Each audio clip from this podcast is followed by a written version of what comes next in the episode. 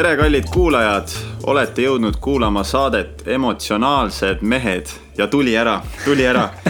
vabandust, ausad mehed. Oleme muutnud oma saate nime vahepeal. saade keskendub äh, kõikidele elulistele teemadele.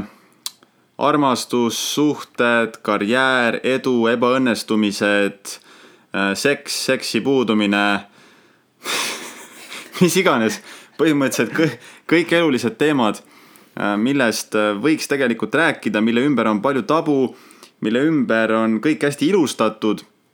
Me üritame oma kogemuse näitel siis kõikidele nendele teemadele natuke rohkem valgust heita, rääkida omi mõtteid ja ehk aidata ka teil mõningat uut mõista.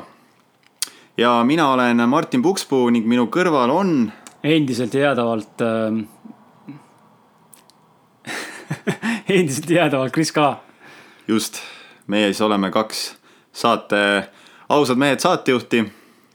tulevikus on kindlasti plaanis ka kutsuda saatekülalisi. seni oleme veel kahekesi siin enda häält nii-öelda lahti rääkinud, omi mõtteid süsteemist välja lasknud. tänase saate tegelikult ju teeb, tänase saate tegelikult teeb eriliseks ka see, et ma ei tea, kas te kuulete, kui me siin korraks anname nagu vaikuse, vaikusele sõna ma arvan, et siin on, oli kuulda võib-olla napi, napi, napi, napilt ühte, ühte linnukest laulmas, aga põhimõtteliselt on haudvaikus, et me oleme tegelikult täna. oleme minu juures seekord, et äh, ei ole seekord Martini juures kesklinnas trammide saatel, vaid oleme seekord äh, siin, kus ma praegu elan, äh, maal Kesk-Eestis.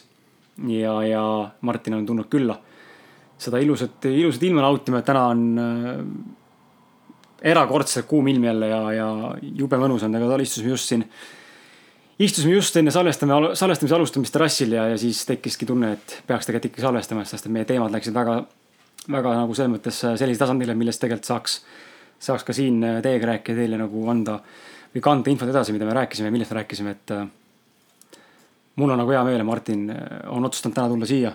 tegelikult tuli eile õhtul juba, aga on hea meel, et otsustan siia tulla külla, et saab vahelduseks linnast eemale ja on jube mõnus mõnus lihtsalt siin maal olla ja, ja siin võtta sisse seda värsket õhku ja linnulaule ja vaadata siin mul toas ringi jooksvat jänest ja kassi ja.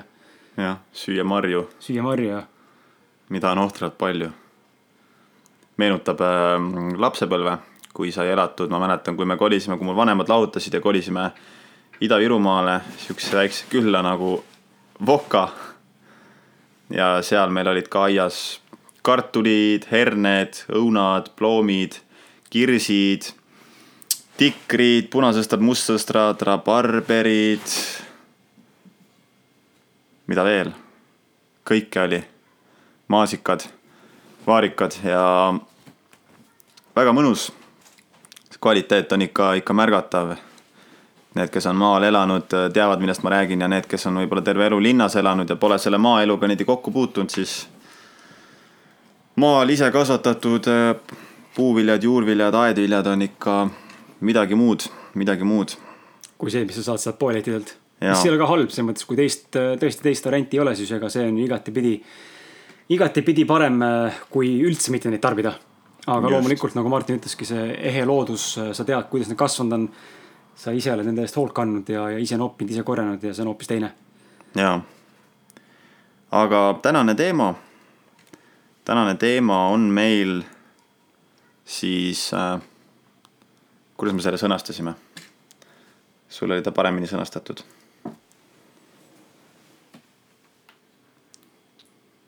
teekond. teekond küll, aga, aga nojah.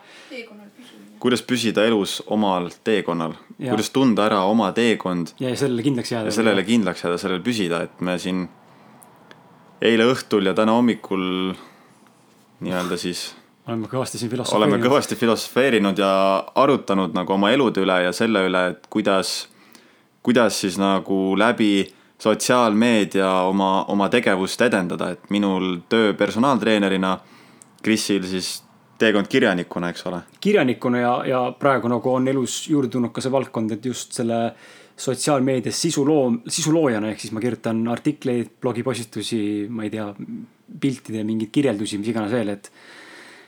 Noh, mõlemad ikkagi, mõlemad tööd on ikkagi seotud selles mõttes kirjutamisega, et jah, kirjutamine, kuidas ennast nagu kirjut-, kirjutajana nii-öelda rohkem siis äh, inimestele eh, esitleda või reklaamida nii-öelda mm -hmm..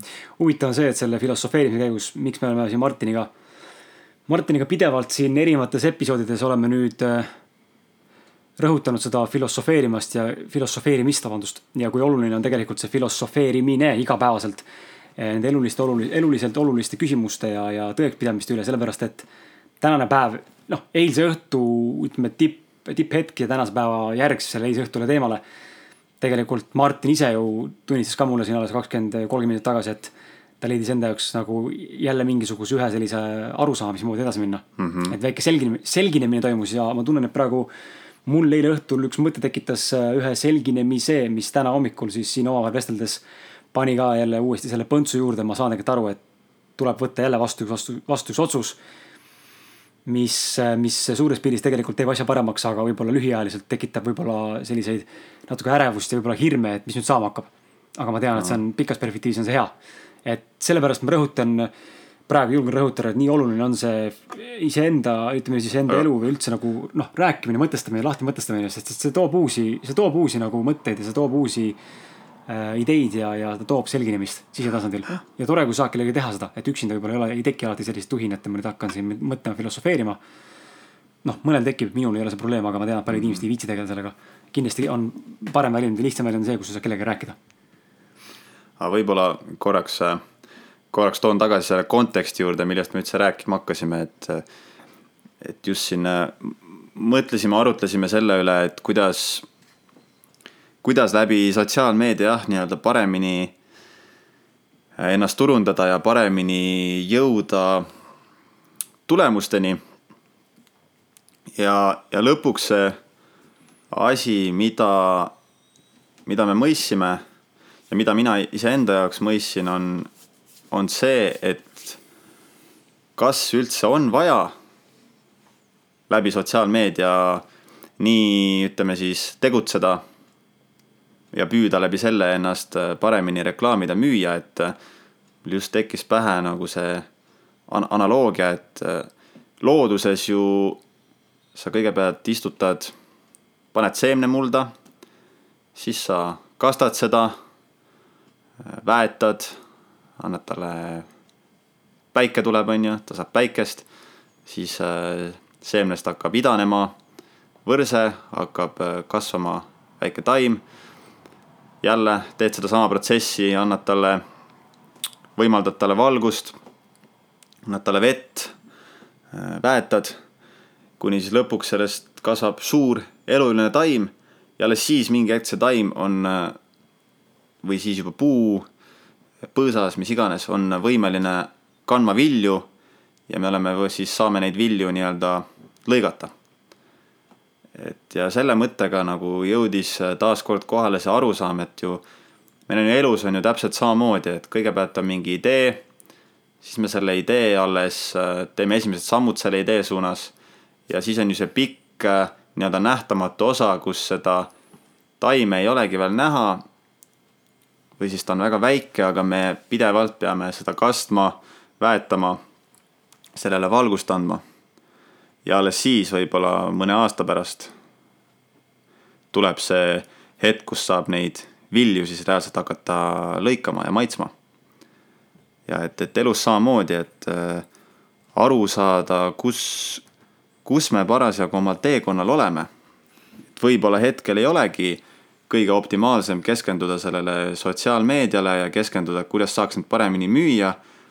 Sellepärast, et kui mina kui toode näiteks personaaltreenerina ei ole veel seal, et ma üldse suudaks vastu võtta suurt hulka inimesi, siis millest me räägime? siis on ju alles see aeg on seal, kus ma pean seda seemet nii-öelda, seemne eest hoolitsema. ehk siis ennast kui personaaltreenerit arendama panema kõik oma fookuse ikkagi sellele, et saada aina paremaks treeneriks. teha ise trenni püsivalt, järjepidevalt. Harida end, lugeda. töötada inimestega. ja, ja võib-olla see üldse enesereklaamimine peaks olema täiesti teisejärguline praeguses äh, etapis.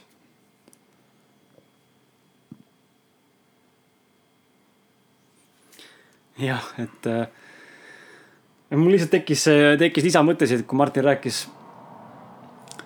et äh, võib-olla tõesti on niimoodi, et äh,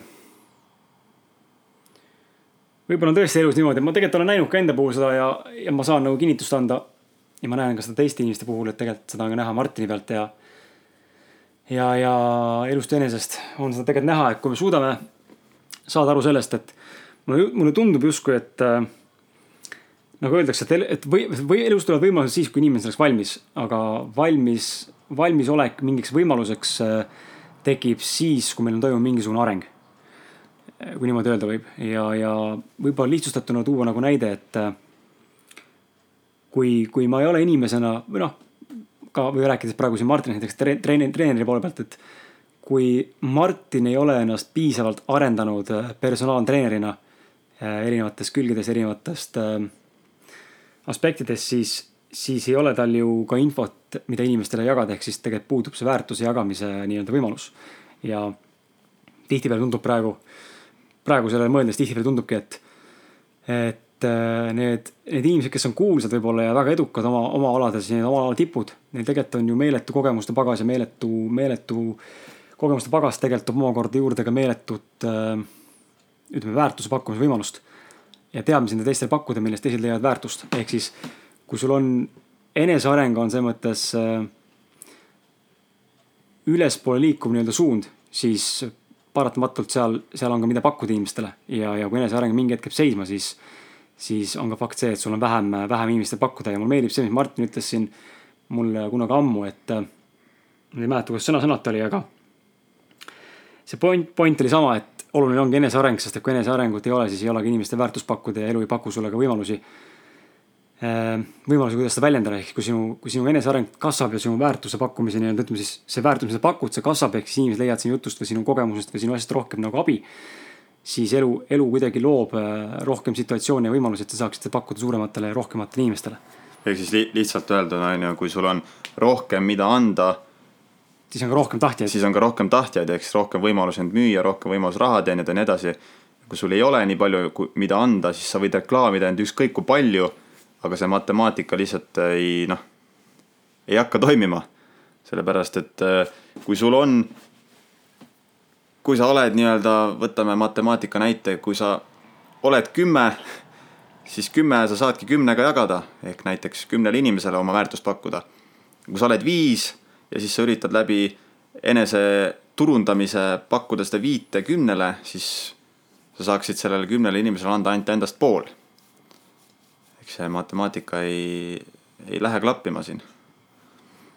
ja seetõttu ma arvan, ongi äärmiselt oluline just eriti noore inimesena saada aru, tegelikult vahet pole, mis vanuses, aga oletame just hakates tegelema mingisuguse uue eriala, uue valdkonnaga saada aru, et kõigepealt ongi see periood, see aeg, kus kogu fookus tulekski panna enesearendamisele.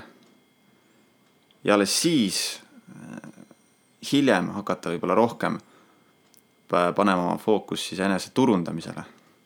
aga küsin võib-olla küsimuse endalt ja sinult, Martin, et lähme siis sellise teema juurde, et äh, ma tean, et väga paljud inimesed on küsinud seda minu käest ja, ja seda, seda küsimust küsivad väga paljud, kaasa arvatud mina ise aeg-ajalt, eriti viimasel perioodil siin, viimasel ajal tähendab eh,. kuidas siis ikkagi leida enda teekonda? Et kus ma tean, et nüüd on, sa ütlesid, et noh, me räägime siin sellest, et tuleb panustada aega sellesse, sellesse ühe, ühe tegevuse või ühe ala või ühe valdkonna arendamisse, et sinust saaks oma ala tipp, eks ole, millest räägivad kõik inimesed, kes on edukad et tuleb taguda ühte rauda, kuniks see raud lõpuks hakkab tooma siis sulle mingit kasumit või mingit tulu on ju, mis iganes tulu ei ole ka. materiaalne, mittemateriaalne, aga et kuidas ära tunda seda, seda, seda, seda asja, millega sa peaksid nüüd tegema. tegele ema, vabandust, et see on see nüüd, et okei okay,, nüüd see on see, mis ma pean nüüd tegema. või, või, või see on see, mida ma kindlasti tegema ei peaks, kuidas seda ära tunda, et võib-olla äh, räägi, kuidas sina mm -hmm. tundsid ära selle, et näiteks see, kus sa täna oled, on see, kus sa tegelikult olema peaksid ja kas sa oled veendunud täna selles, et see, kus sa täna oled, on sada protsenti see, kus sa olema peaksid või sa arvad, et seal võib olla ka mingeid varjukülgi, mis võib välja tulla, välja areneda sellest, kus sa tegelikult täna oled mm? -hmm.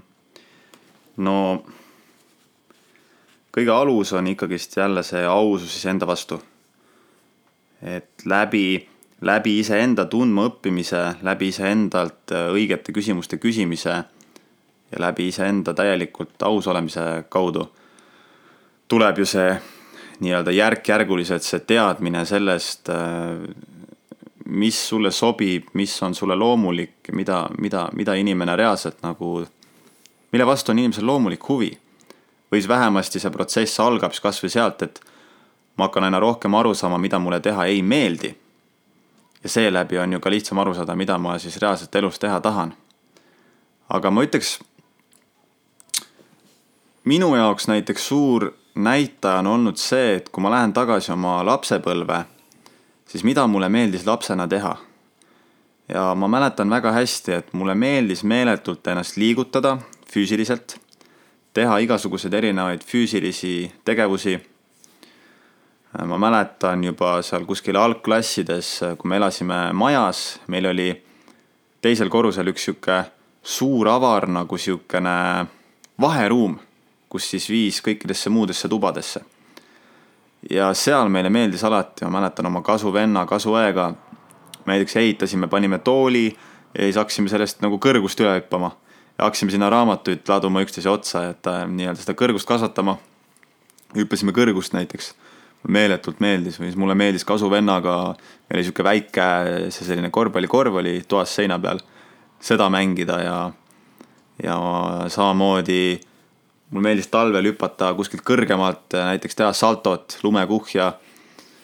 mu oma toas samamoodi olid äh, madratsid ja oli voodi ja siis need madratsid olid madalamad kui voodi, ma panin need madratsid maha. jälle üritasin tagurpidi saltot näiteks teha voodi pealt madratsitele. mulle meeletult meeldis nagu mängida oma kehaga selles mõttes, testida oma neid füüsilise, füüsiliste võimete piire. avastada uusi asju, see oli nagu sihuke lihtsalt fun minu jaoks, mida ma võisin nagu lõputult teha. ja samas näiteks teine asi, mis mulle meeldis, mulle meeldis ehitada. mulle meeldis legodega mängida, mulle meeldis legodest panna kokku nii projekti järgi, noh, ehk siis nagu selle joonise õpetuse, õpetuse järgi erinevaid asju, kui mulle meeldis ka improviseerida. ja, ja nüüd, kui ma täna siis vaatan, milleni ma olen jõudnud just selle, selle läbi eneseanalüüsi ja testimise ongi ju see, et mulle endiselt meeldib end liigutada. mulle meeldib teha trenni. Äh, mulle meeldib äh, sõita, ma ei tea, lumelauaga, mulle meeldib sõita veelauaga, mulle meeldib pff, saltosi teha, mulle, mulle meeldib mida iganes, kõik, mis on seotud füüsilise eneseliigutamisega. ja samamoodi mulle, siiani ma võin äh, panna mingi joonise järgi kokku mingit kappi, mis on kuskilt ostetud või mingit lauda või, või, või, või, või, või ka tegelikult ehitada.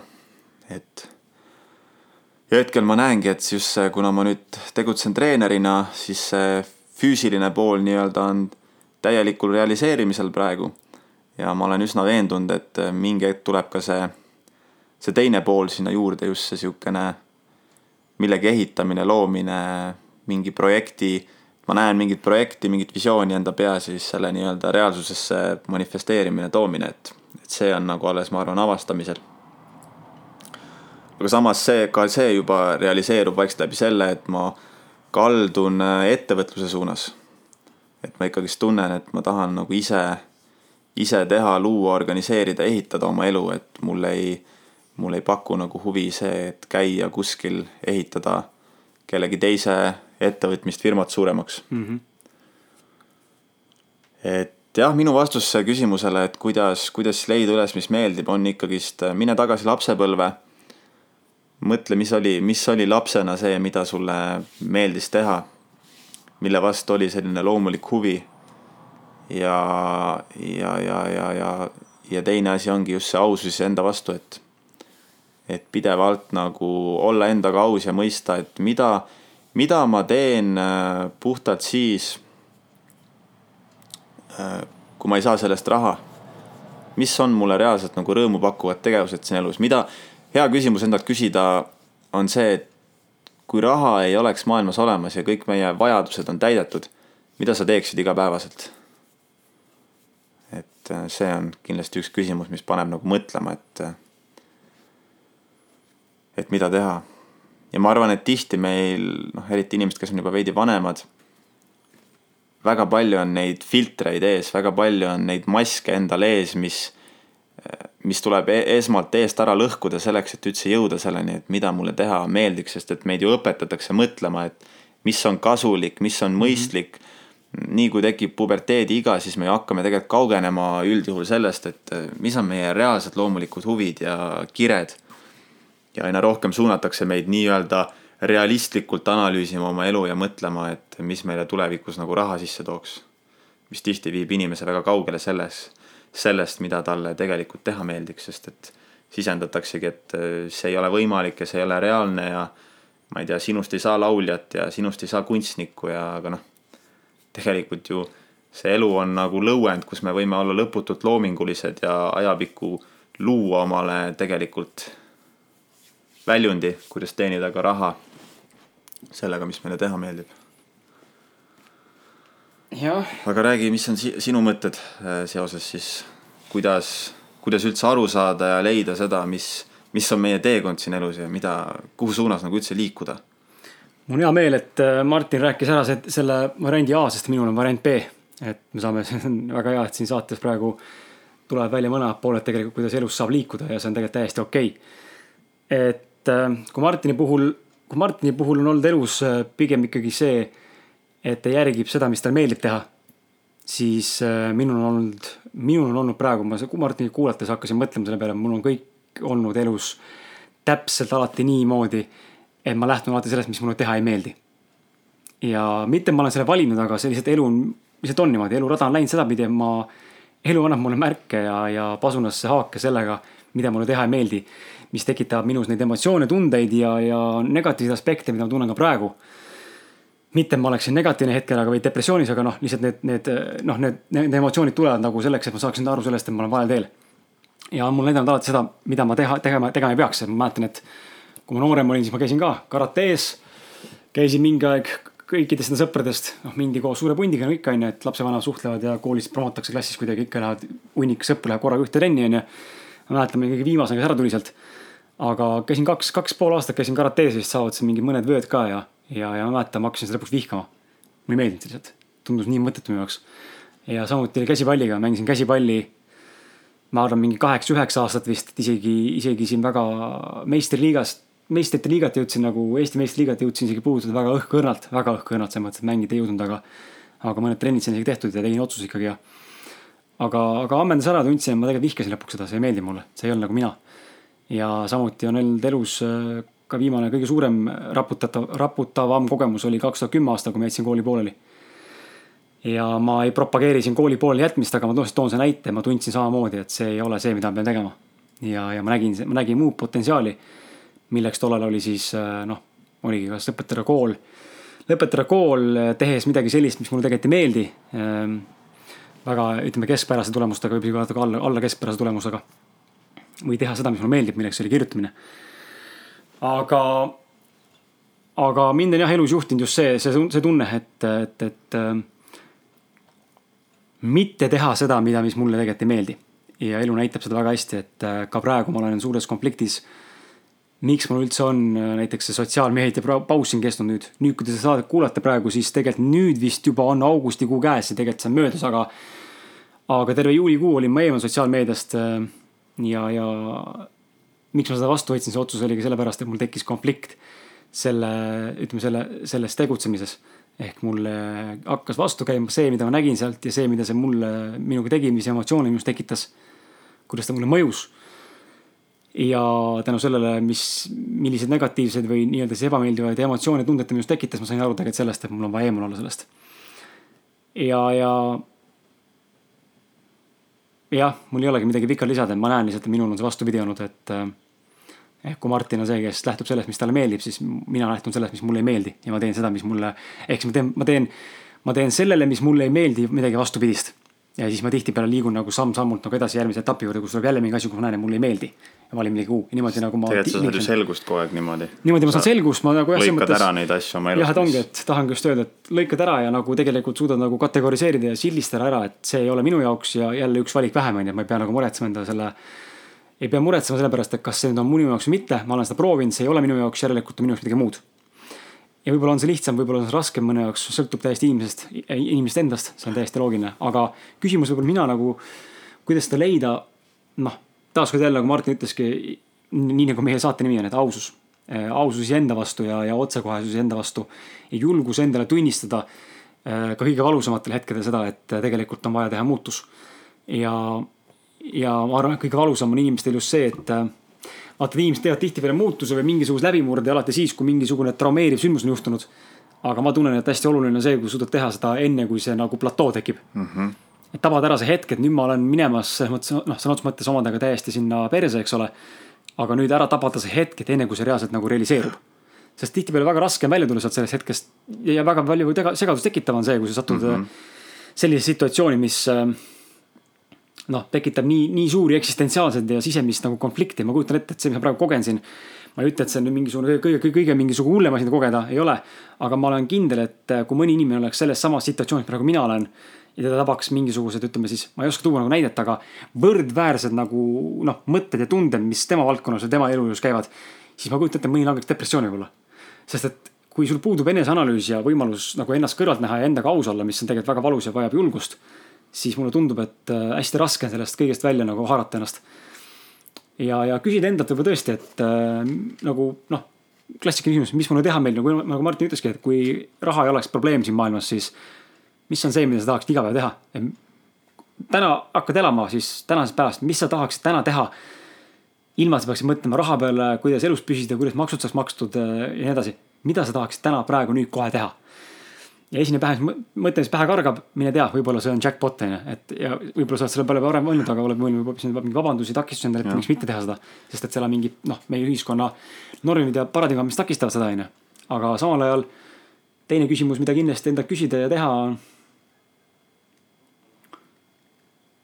jah, ei olegi praegu, tegelikult tuli küsimus, aga mul läks meelest ära. noh, sa nii kaua kui meelde tuletad, siis võin oma mõtteid jälle jagada siia, et ma arvan ja just väga-väga paljudel inimestel, noh, tegelikult nii palju, kui ma olen rääkinud ka erinevate inimestega, siis väga paljude kindlasti esimene mõte ongi see, et ma ei tea, mida ma tahan teha. ma reaalselt ei tea, mul ei olegi ühtegi kirge ja sellist hobi. aga ma siiski usun, et tegelikult meil kõigil on. aga see ongi nii sügaval peidus juba. sest et see õpitud mõtlemine, kõik need maskid, filtrid on seal vahel, mis takistavad saamast nagu kontakti selle enda sisemusega, kus on olemas need äh, tegelikult endale loomulikud, huvipakkuvad, äh, inspiratsiooni pakkuvad tegevused. aga kuna need kõik need aastatepikkune enese ümberprogrammeerimine on seal vahel, kus on äh, siis õpetatud mõtlema meid nii-öelda realistlikult, nagu ma enne juba mainisin, siis see nagu raskendab seda. ja, ja ma arvan kindlasti teine asi, mis, mis ma tahaks välja tuua, ongi see, et mida vanemaks me saame, seda rohkem meil hakkab see sotsiaalne surve peale suruma. et äh, nüüd juba peaks olema mingi kindel elukutse, nüüd juba peaks olema suund paigas, nüüd juba peaksin teadma, mida ma elus tahan ja mida vanemaks me saame, seda suurem hirm on teha neid siukseid kardinaalseid muutusi oma elus. just nimelt selle surve tõttu, et mida, mida üldse nagu siis ühiskonnas minust arvatakse ja kuidas mind aktsepteeritakse, kui ma näiteks nüüd kolmekümne viie aastasena teen mingisuguse kannapöörde. et ma arvan, see on ka nii-öelda, et võib-olla oletame, inimene on äh, kolmkümmend pluss, ta teeb mingit asja, ta on juba seda aastaid teinud. ja see hirm muuta midagi on nii suur, sest et näiteks ma annan endale aru küll, et okei okay,, tegelikult ma tunnen, et see ei ole minu nii-öelda valitud rada siin elus. aga ma kardan seda muuta, sellepärast et kuidas ma nüüd teen seda, ma alustan jälle nullist, ma pean ju jälle hakkama õppima nullist nii-öelda uut siis, uut ametit, uut elukutset. mida kõik minust arvavad, noh, kõik, kõik, kõik need mõtted käivad peast läbi, et et ma arvan, see ka kindlasti nagu raskendab seda oma teekonna ülesleidmist, aga aga ma usun, et see ikkagist on see, mis jällegist viib lõpuks selle sisemise rahuloluni. ma mäletan enda puhul, kuidas noh, ma olen praegu kakskümmend viis. Kui ma olin, millal see oli nüüd, ma arvan, ma olin kakskümmend kolm siis või? kui ma, pekki, ikka see oli nüüd kaks aastat tagasi või? või poolteist aastat tagasi kui ma siis talvel, äh, olles jälle restoranis tööl, äh, mõistsin, et, äh, et ma ei saa enam niimoodi edasi minna. ja see ei ole lahendus, et ma võtan jälle mingisuguse ajutise töö omale ja, ja, ja jälle siis üritan nagu selle kõige kõrvalt liikuda selles suunas, mis mulle reaalselt meeldib. ja kui ma lõpuks nii-öelda ületasin selle hirmu ja võtsingi end reaalselt töötuks võtsin end reaalselt töötuks, äh, kolisin pooleks aastaks äh, ema juurde. selleks, et siis hakata õppima personaaltreeneriks ja alustada juba tööd reaalselt treenerina. Ja, ja tõesti ületasin selle hirmu, tegin selle sammu, selle otsuse ja ma olen väga, väga tänulik iseendale, et ma julgesin seda teha sest see aitas nagu selle kursi jälle panna paika ja, ja hakata siis nüüdseks, ma olen aasta aega siis äh, tegutsenud sellel treeneri nii-öelda rajal ja ei ole hetkeski käinud peast läbi seda mõtet, et äh, peaks jälle vahetama või muutma, et. et jah. See on tihti hirmus, on äh, see enesele otsa vaatamine ja nende vajalike sammude tegemine, aga aga neid samme tuleb teha. jälle, kui sa tahad midagi rääk-, lisada vahepeal, lisa, aga mul tuli jälle üks, üks lugu, üks mõte pähe. et äh, olime tüdrukuga siin eelmine nädal õhtul rannas, läksime vist randa õhtul, et äh, seal aega veeta. Ja meie läheduses oli mingi mees, kes äh, jäi mulle kohe silma, et itaalia keeles seal telefonis rääkis ja siukse omapärase stiiliga oli ja, ja jäi, jäi mulle kohe nagu silma, pakkus huvi. ja mingi hetk oli näha, et nagu hakkas natuke agressiivsemalt rääkima telefonis. tõenäoliselt oli veidi purjus ka, mis pärast tuli välja, et oligi. ja, ja siis Anja, Anja ütles mulle, et kuule, et Martin, et kui ta siit meist peaks mööda minema midagi, et ära temaga kontakti võta. las ta olla omaette ja läkski mees meist mööda, ma lugesin nagu raamatut telefonis täpselt niimoodi, et mul oli see telefon oli nagu suunatud tema suunas. ja tal jäi mulje, et ma filmin teda. ja küsis, on ju nagu mega agressiivselt, et kas sa filmid mind või inglise keeles. ja ma ütlesin, et ei, ei, ei, ma loen raamatut, et äh, mul on siin raamat. nagu ilmselt ta kohe tajus ära, et äh, noh, meie poolt mingit agressiooni vastu ei tule ja hakkas juttu rääkima ja kuna ta pakkus mulle huvi, siis ma, ma tahtsingi temaga suhtlema hakata ja hakkasimegi, tuli, istus sinna meie juurde maha ja selgus, et Taanist pärit kunstnik. ma ei tea, mis tal vanus võis olla, noh, ma pakuks välimuse põhjal mingi viiskümmend pluss. Taanist pärit kunstnik ja selgus, et tema abikaasa viis aastat tagasi suri ära. ootamatult läks nädala ajaga, läks põhimõtteliselt vähiga. Olid juba olnud seljavalud tal tükk aega ja seal käis mööda füsioterapeute ja ja lõpuks siis, kui hakati tõsiselt äh, haiglas uurima, siis selgus, et vähk ja nädala ajaga naine suri. ja nüüd ta on siis siin Eestis, ta on omale siberlasest venelanna võtnud siin Eestis naiseks. aga noh, nagu näha oli, et tegelikult mehel ikkagist on hingehaavad ja, ja nagu rõhutas meile ka seda, et äh, hoidke üksteist, armastage üksteist ja reaalselt elage igat hetke siit elust, nagu see oleks viimane, et sa kunagi ei tea, millal sinuga midagi juhtub, millal su lähedastega midagi juhtub.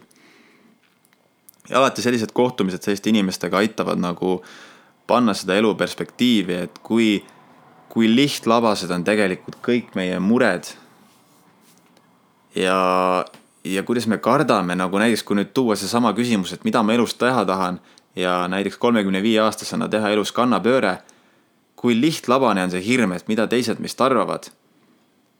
ja see ühiskondlik surve tegelikult selles, kui mõelda, et äh, sa mitte kunagi ei tea, millal see lõpeb. ja üks hetk sa oled võib-olla kaheksakümmend ja sa avastad, et noh, näed, neljakümne aastaselt mul oli see äratuskell nii-öelda elus, et äh, muuda nüüd suunda, aga, aga ma ei teinud seda, sest et ma fucking kartsin. Ja nüüd ma olen kaheksakümmend ja noh, nüüd on juba natukene võib-olla hilja et äh, selline, sellised asjad jah, panevad mõtlema selle peale, et äh, tuleb nendest hirmudest minna läbi ja ikkagist valida, valida elu. mitte, mitte, mitte suremine enda sees nii-öelda, sisemine suremine. Jah, huvitav on nendele elulistele asjadele mõelda, et äh, mul siin Martinit kuulates meenus lihtsalt äh, see lause, mis mind nagu mõjutas väga palju siin nüüd ongi see e, juunikuu lõpus mõjutas mind nendele tõsistemale küsimust, tõsis, tõsistematele küsimustele mõtlemisel. et äh, see üks, ütleme siis, kes iganes ta on, noh, ma ei, ma ei tea, oska teda, ma ei oska teda mm, kuidagi tituleerida, aga üks äh, härrasmees nimega Jay, Jay Sherry ah. ütles äh, ütles väga huvitavalt, et you don't know who you are until you figure out, tähendab. kas sulle tundub ka, et täna on kuidagi raske rääkida, kuidagi äh, sõnad jooksevad kuidagi kokku kogu aeg? ma tunnen ka. ma pean selle lahti võtma, sest et see oli nii point, aga mul ei tule siis meelde praegu see lause. tunnen, mul on väga raske täna rääkida.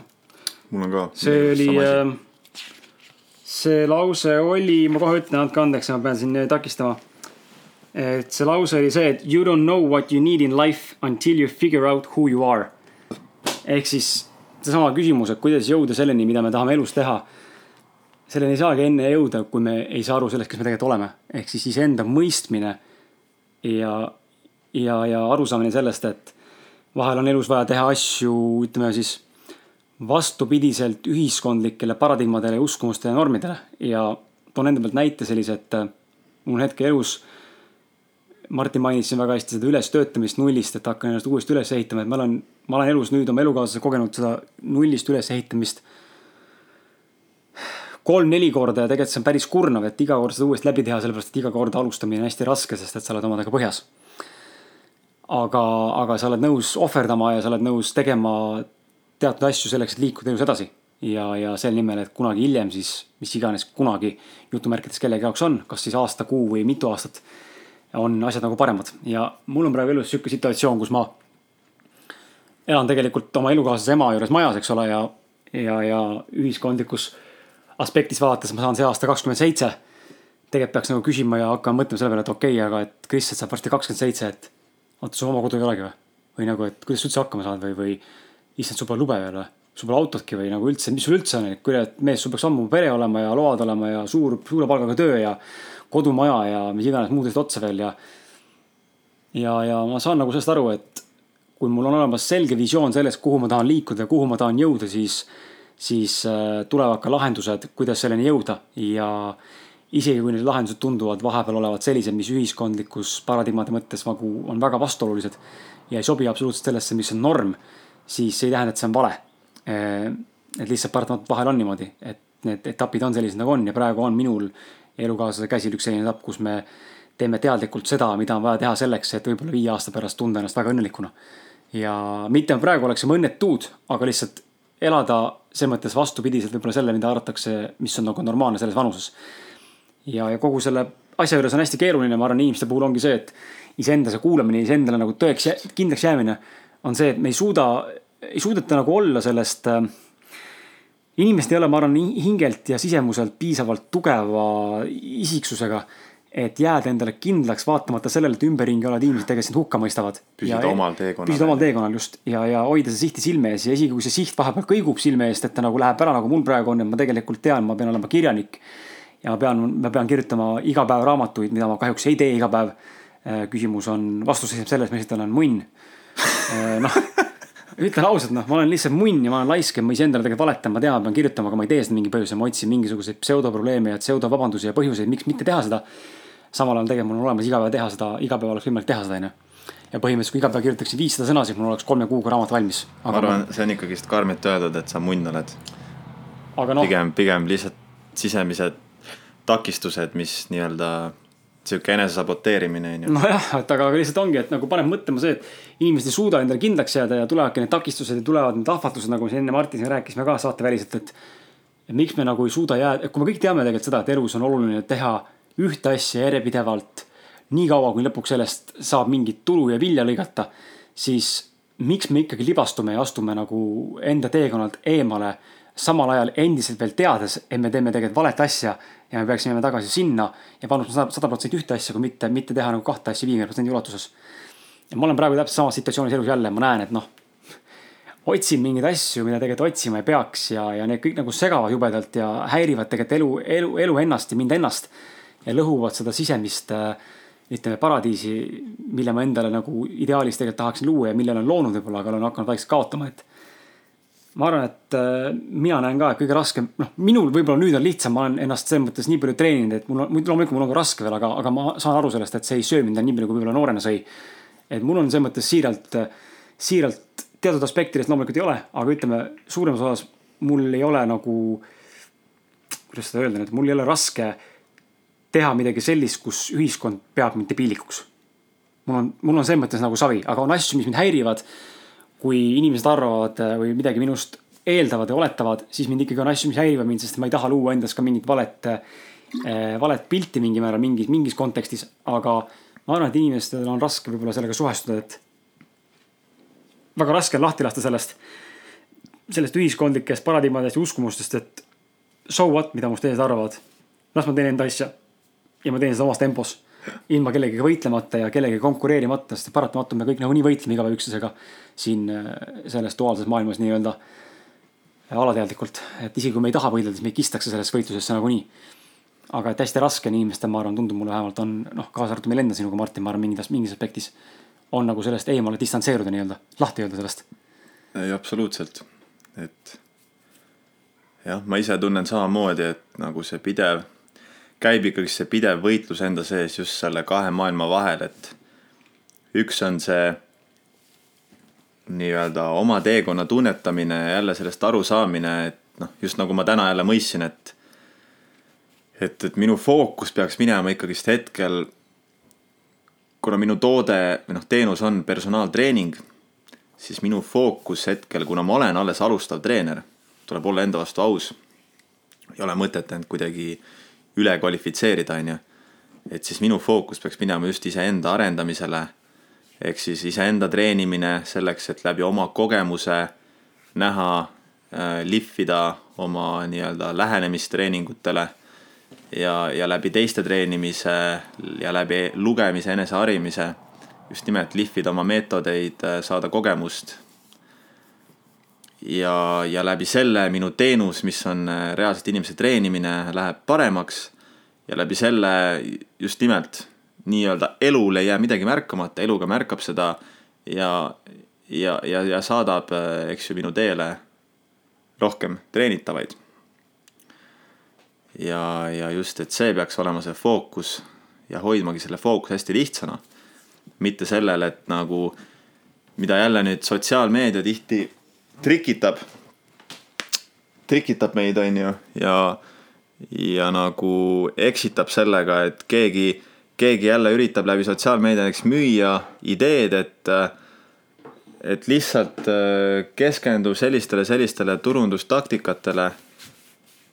ja see teeb sind edukaks, et küll see kogemus tuleb tagantjärgi. ja, ja noh, selliste näidete näol ongi väga lihtne nagu ära eksida ja, ja hakatagi mõtlema, et okei okay,, võib-olla tõesti, kui ma nüüd kõvasti keskenduksin nii-öelda eneseturundamisele, et, et just läbi selle need tulemused kõik äh, tuleksid kiiremini ja, ja jõuaks, jõuaks võib-olla kiiremini sinna punkti, kus, kus ma ennast näen. aga, aga jah, tegelikult see ju tõenäoliselt nii ei ole, et ikkagist tuleb just iseenda jaoks aru saada, et mis, mis teekonnal ma olen ja kus punktis ma sellel teekonnal parasjagu olen, et. jah, ja just nimelt mitte nagu jääda endale kindlaks, et mitte, mitte lasta end häirida sellest, mida teevad teised ümberringi ja kus teised parasjagu on, sest meie kõigi eluteed on nii erinevad, meie lapsepõlved on nii erinevad, et see, kui keegi on kahekümne viie aastaselt juba miljonär, et noh, ei saagi ennast võrrelda sellise inimesega. see, kui teine inimene äh, nii-öelda leiab oma suuna alles kolmekümne viie aastaselt siis jällegi siis ka temal täiesti mõttetu võrrelda ennast inimesega, kes leidis oma suuna juba kaheksateist aastaselt, lõpptulemusel ei ole vahet, millal sa tegelikult leiad ja peaasi, et sa leiad. no just, nagu isegi kui sa leiad, isegi kui sa leiad selle viiekümneselt, siis ole täna, ole nagu tänulik, sest et mõni, nii paljud inimesed ei leia mitte kunagi seda, kes tegelikult, tegelikult on. ja, ja kahetsevad elu lõpuni seda, mida nad tegelikult võib-olla tege-, ei teinud, eks ole. aga me rääkisime siin enne väljas olles ka väikse käest siin nautisime seda kuuma ilma, higistasime nagu sead onju, et tegelikult sead ei higista, aga, aga see, see fraas on nagu võib-olla paneb selle ilusti ettekujutuse ette, aga mulle tundub, et äh, see teekond ja teekonna ülesleidmine, et äh, mulle meeldib, mulle meeldib see, mida ütles see mentor mulle alles hiljuti siin, et, et äh, sinna halli massi nii-öelda kuuludes või karjaga kaasas käies ei leia sa mitte kunagi enda teekonda. ja oluline on, oluline on see, et me leiaksime enda teekonna ja mina isiklikult usun ka seda, et igal inimesel on oma teekond. lihtsalt oluline on see üles leida sellele, oluline on mitte üle, ainult üles leida, vaid oluline on ka võtta nagu kätte vastutus ja julgus seda ka nii-öelda kõndida, sest et, sest et see on, nagu Martin rääkis alguses, see on see teadmatus, tundmatus ja tihtipeale see on see, mis tekitab inimestes seda hirmu, sest et nad ei tea, kas nad saavad sellega hakkama. aga aga mul tahtsin midagi öelda.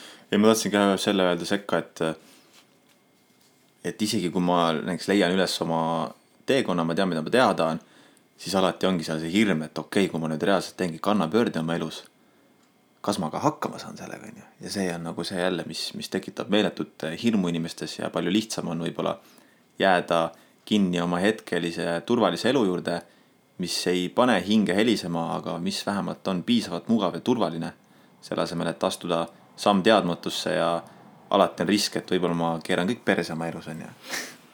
ja tundub, et inimesi ajab hulluks võib-olla see, et need, need äh, uued äh, suunad või, või see teekond elus tundub nagu hästi suur amps olevat, aga kui see suur pilt nagu mitmeks erinevaks tükiks nagu lahti tükeldada nii-öelda, siis, siis tegelikult on näha, et need ju noh, suurem, suurem teekonna lõpp nii-öelda tegelikult koosneb ju, et see tuhande, tuhande sammu teekond on, saab alguse ühest sammust, onju. ehk siis tuhat meetrit tundub ulme, aga üks meeter nagu korrakastur on nagu levo ja mõtlen enda pealt ka, kui ma neid, neid raamatuid olen välja andnud, siis esimene raamatu väljaandmine, andmise protsess nagu oli mul polnud, mul polnud õrna aimugi, kus ma leian kirjastuse või, või mis asi üldse kirjastus on või kuidas need lepingud käivad ja kuidas üldse raamatupoodi raamatut saata ja kuidas müüa ja kes, noh, null infot, aga, aga kui sa hakkad seda järjepidevalt nagu samm-sammult tegema, siis see pilt läheb nagu selgemaks ja saad tegelikult aru, et need sammud, suur samm tegelikult koosneb väikestest sammudest.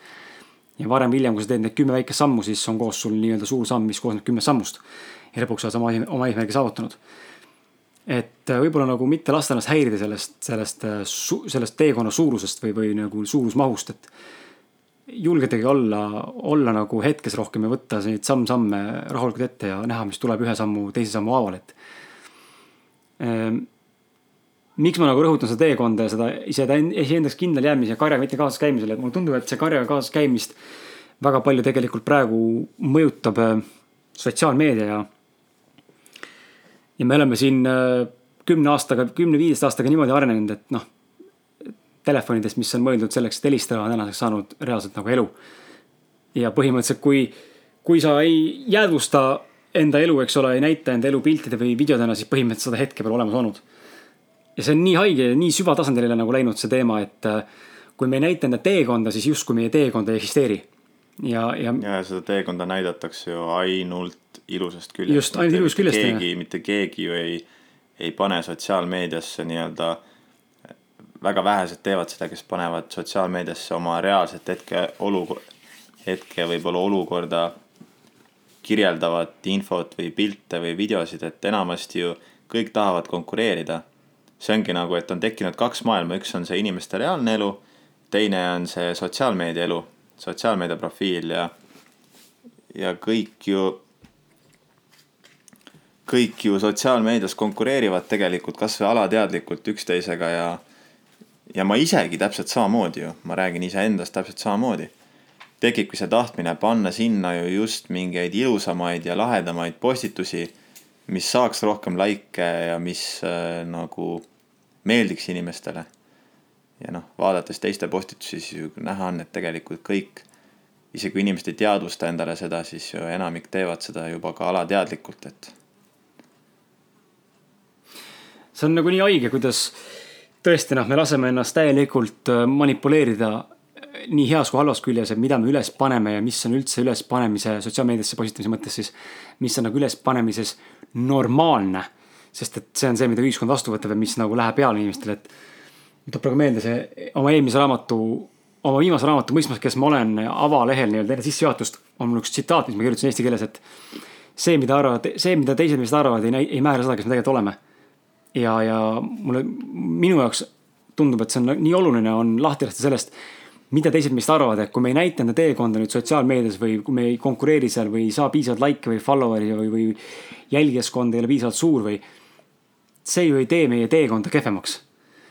Aga, aga me oleme nii ühiskondlikult nii nagu sellesse sisse kistud ja ära manipuleeritud, et, et noh, nagu me enne ütlesime siin, jääbki mulje, et kui ma nüüd seda teekonda ei jaga, siis siis põhimõtteliselt äh, jääb nagu elu elamata mm. -hmm.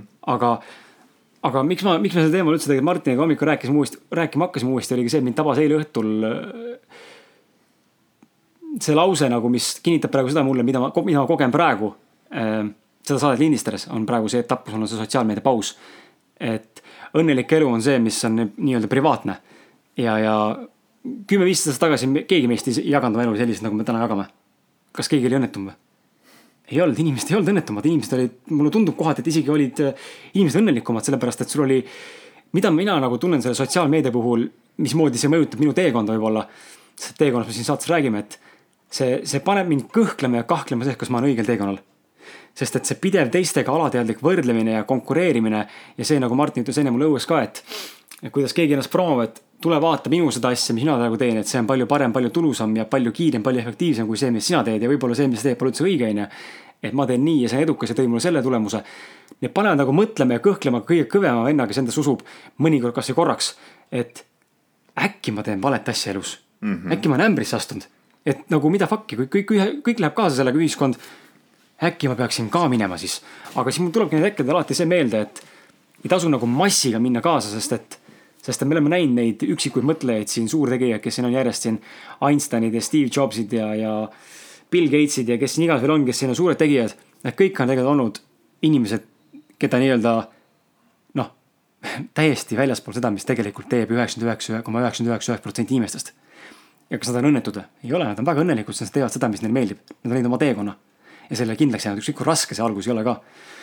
ja mulle tundub, et praegu nagu minu, minu jaoks kindlasti on praegu väga suur võitlus hetkel, hetkel eluetapil on see, et leida nüüd see balanss, kuidas minna edasi niimoodi, et ma ikkagi olen sada protsenti keskendunud enda eesmärgile, aga ma ei tunneks ennast halvasti, et ma ei võta osa sellest ühiskondlikust nii-öelda eh,, ma ei teagi, kollektiivsest mingisugusest sotsiaalmeedia mängust mm. -hmm. ja ma ei tea, kas sa tunned, Martin, sa ei tunne, aga kui palju tegelikult sotsiaalmeedia tegelikult mõjutab seda ja pärsib seda tegelikult sinu teekonna arengut ja kulgu? no kõvasti, kõvasti, kõvasti. toone kord lendas oma jaoks. kohe näed vaata. kõvasti, kõvasti mõjutab, et. sest tegelikult ma ütlekski alati, miks mulle meeldib maal ka käia, sest neid segajaid, neid väliseid stiimuleid on vähem. Eemal olla sellest eh, linna mürast, sellest kiirest elutempost automaatselt maal olles ka väheneb see tahtmine vaadata sinna telefonisse, vaadata sotsiaalmeediasse. ja need on alati need hetked, kus ma saan nagu kontakti paremini selle enda, enda sisetundega. selle,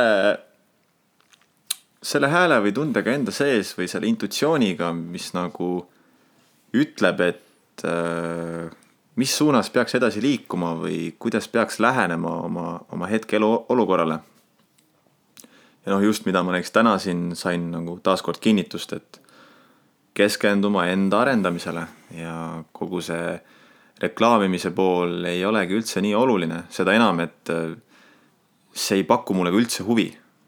mul ei ole kuna, ma ei ole kunagi olnud nagu see, kellele pakuks meeletut huvi mm, ütleme kogu selle enda, enda nii-öelda näitamine läbi, läbi, läbi, läbi, läbi sotsiaalmeedia. ja ma pean selle vahele segama selle mõttega, et sa ütlesid, et, et äh, mis sa mult küsid üldse, ma hakkasin vastama su küsimusele kadus poole pealt ära. Täitsa haige, ma ei tea, kas see on kuumus või, aga mõte läheb nii lihtsalt äh, nii lappesse, et tahab midagi öelda ja siis äh, ja ei tule lihtsalt meelde, nii kui ütlema hakkad, läheb meelest ära ja, ja, ja no tegelikult ma teiega praegu siin seda lindistades teiega aus olles kuulajatega, ma tegelikult pean tunnistama ka, et olen, et mul on praegu selline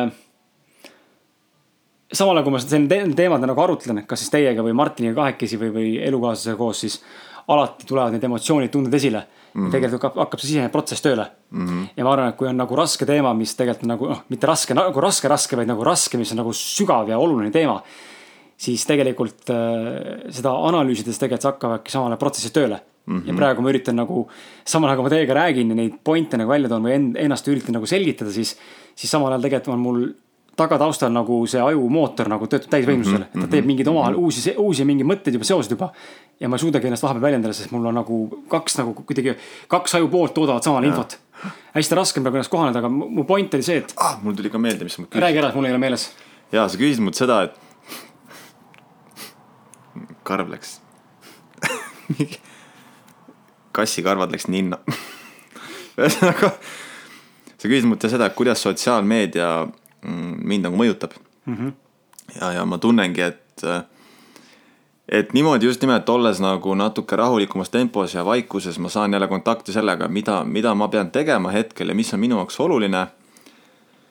ja samas näiteks äh, just nimelt selle li, linna kiire igapäevaelu sees ähm, ja veetes rohkem aega sotsiaalmeedias, ma tunnengi, kuidas hästi kergelt tekib see iseenda võrdlemine, et vaatan näiteks mingit teist fitness äh, äh, sotsiaalmeedia influ-, influ-, influencer'it, noh, nii-öelda sotsiaalmeedia mõjutajat või, või mingit treenerit, kellel on näiteks päris suur äh, jälgijate baas äh, sotsiaalmeedias ja ja tekibki see tunne, et aga kurat, kui mina ka nagu hakkaks niimoodi järjepidevalt äh, ennast seal äh, reklaamima nagu tema, et äh, ma kindlasti ka kohe saaksin kiiremini rohkem kliente.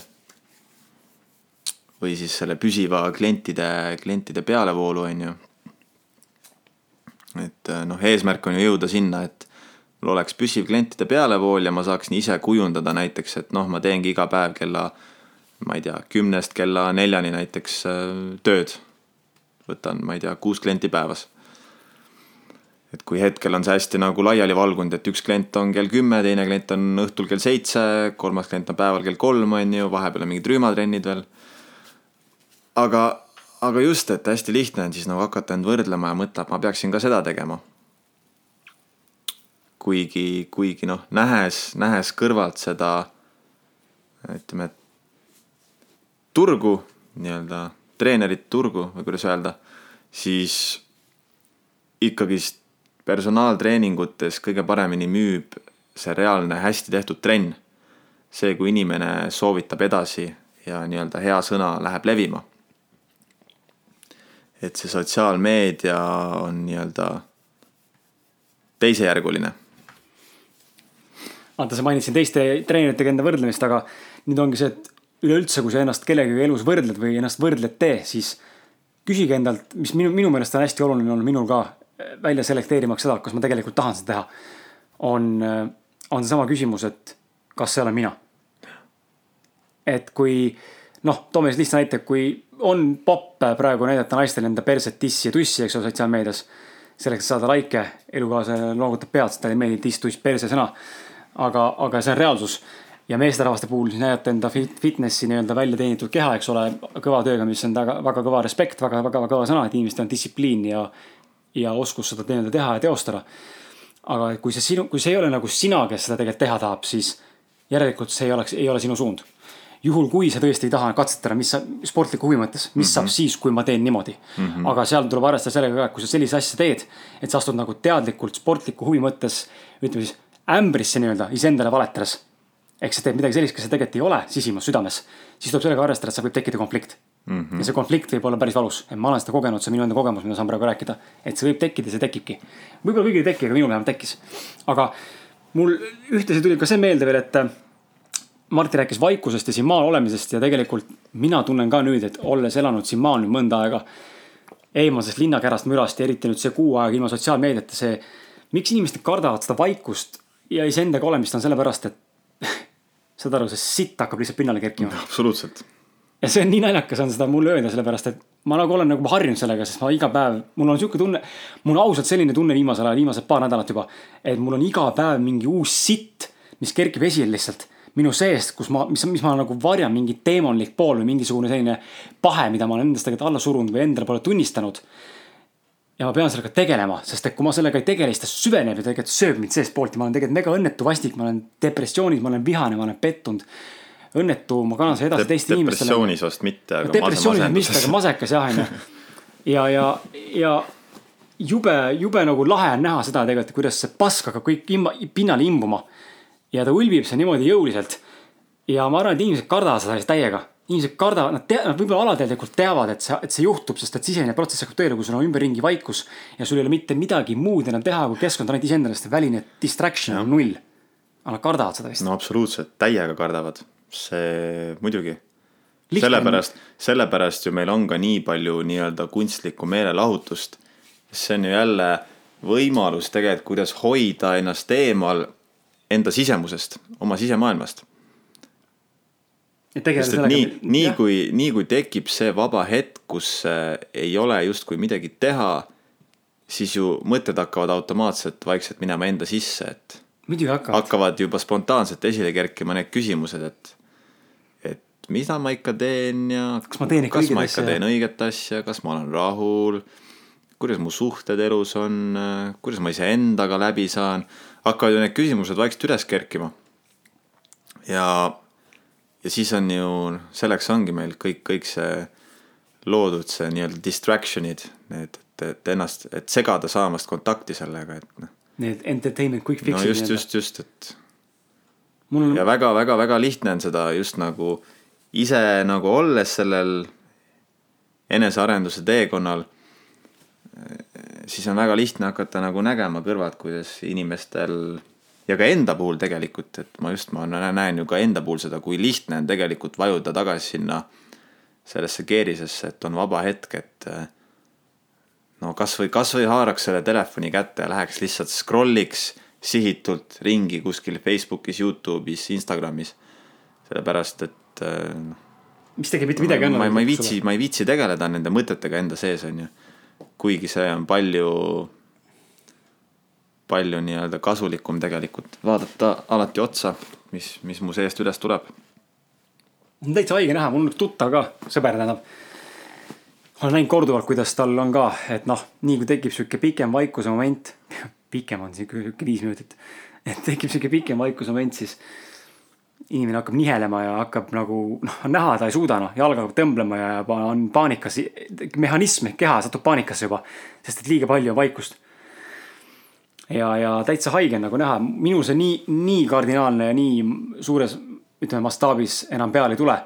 küll aga ma tunnen ka nagu Martin ütleski, on ka mul vaheajal hetkel sellised hetked, kus ma tunnen, et tegelikult peaks tegelema mingi asjaga, aga ikka lähed ja vajud sellesse quick fix mentaliteeti, võtad seda, mis on lihtsam ehk entertainment ja läheb nüüd pool tundi ja tund aega mööda ja tegelikult pärast vihkad ennast, aga.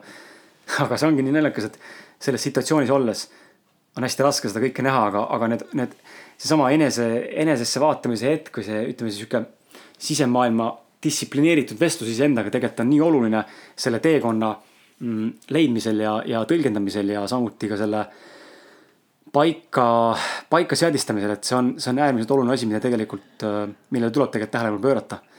aga paraku see on üsna raske ja, ja paraku seda ei taheta väga teha, et. et ma ei tea jah, kuidas te olete seda kogenud ei ole enda elus. kindlasti, kindlasti, kui praegu nendel teemadel räägime ja midagi on toimunud, siis te kindlasti resoneerute ja mõistate, mida me tegelikult mõtleme selle all ja. kui sa veel ei ole kogenud midagi sellist oma elus, sihukest sisemist võitlust ja sisemist sihukest taasavastamist, siis ära muretse, küll see tuleb. aga tuleb päris valusalt, ma loodan.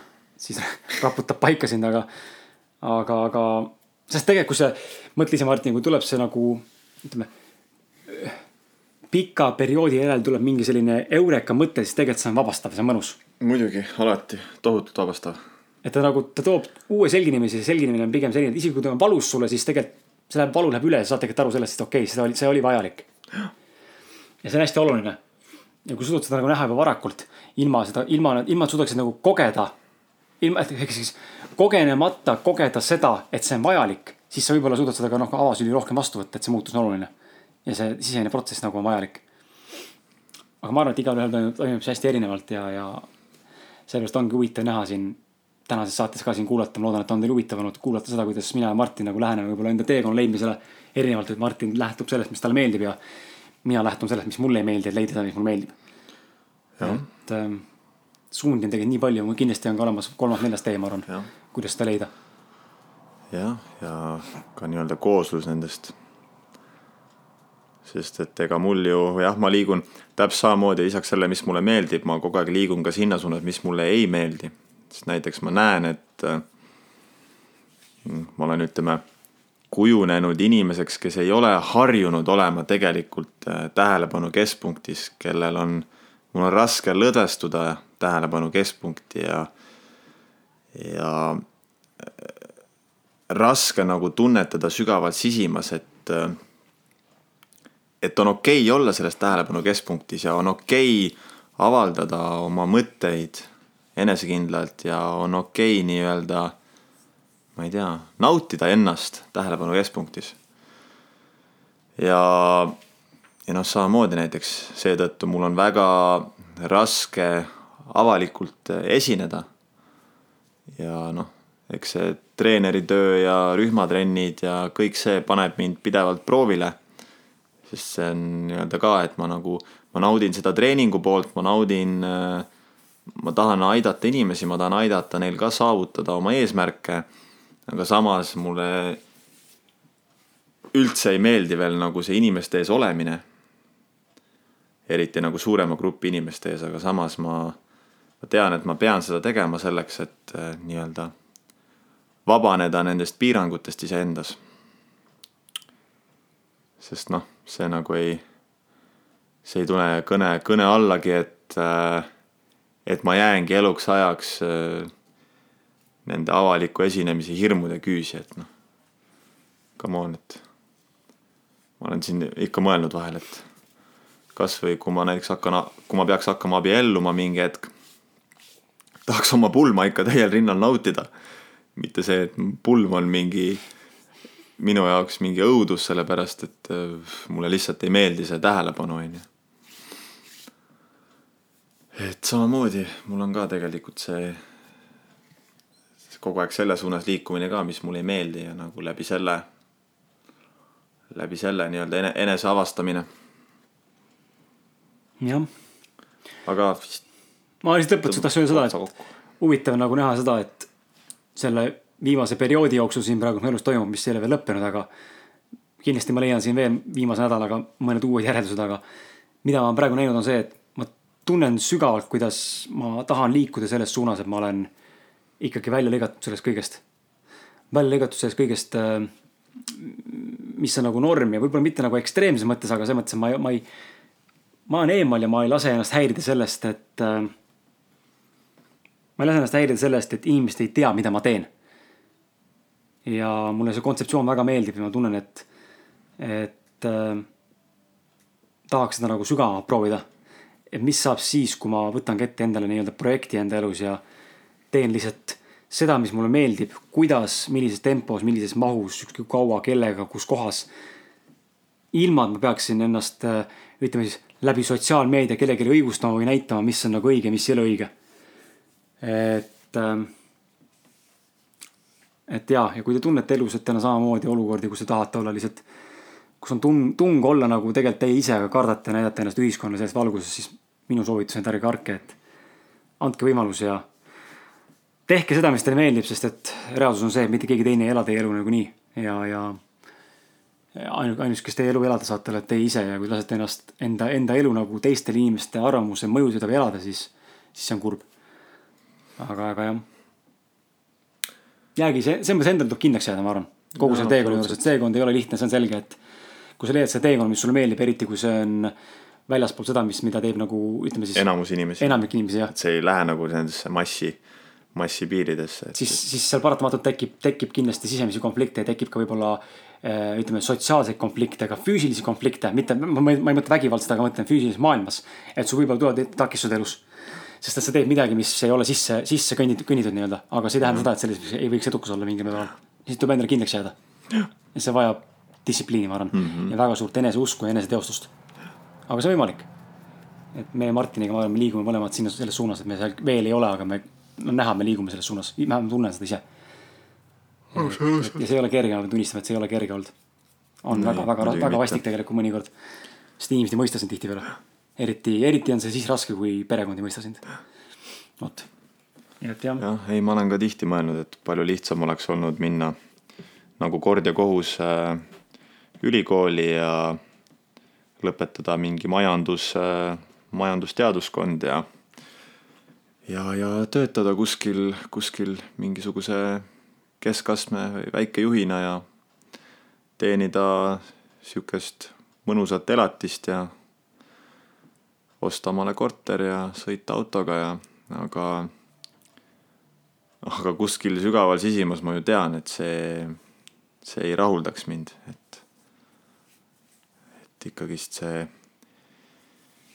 ise vaikselt oma teekonna loomine ja see on nagu see, mis ja see vabadus, see, see vabaduse tunne on see, mis ikkagist tegelikult tagant kannustab.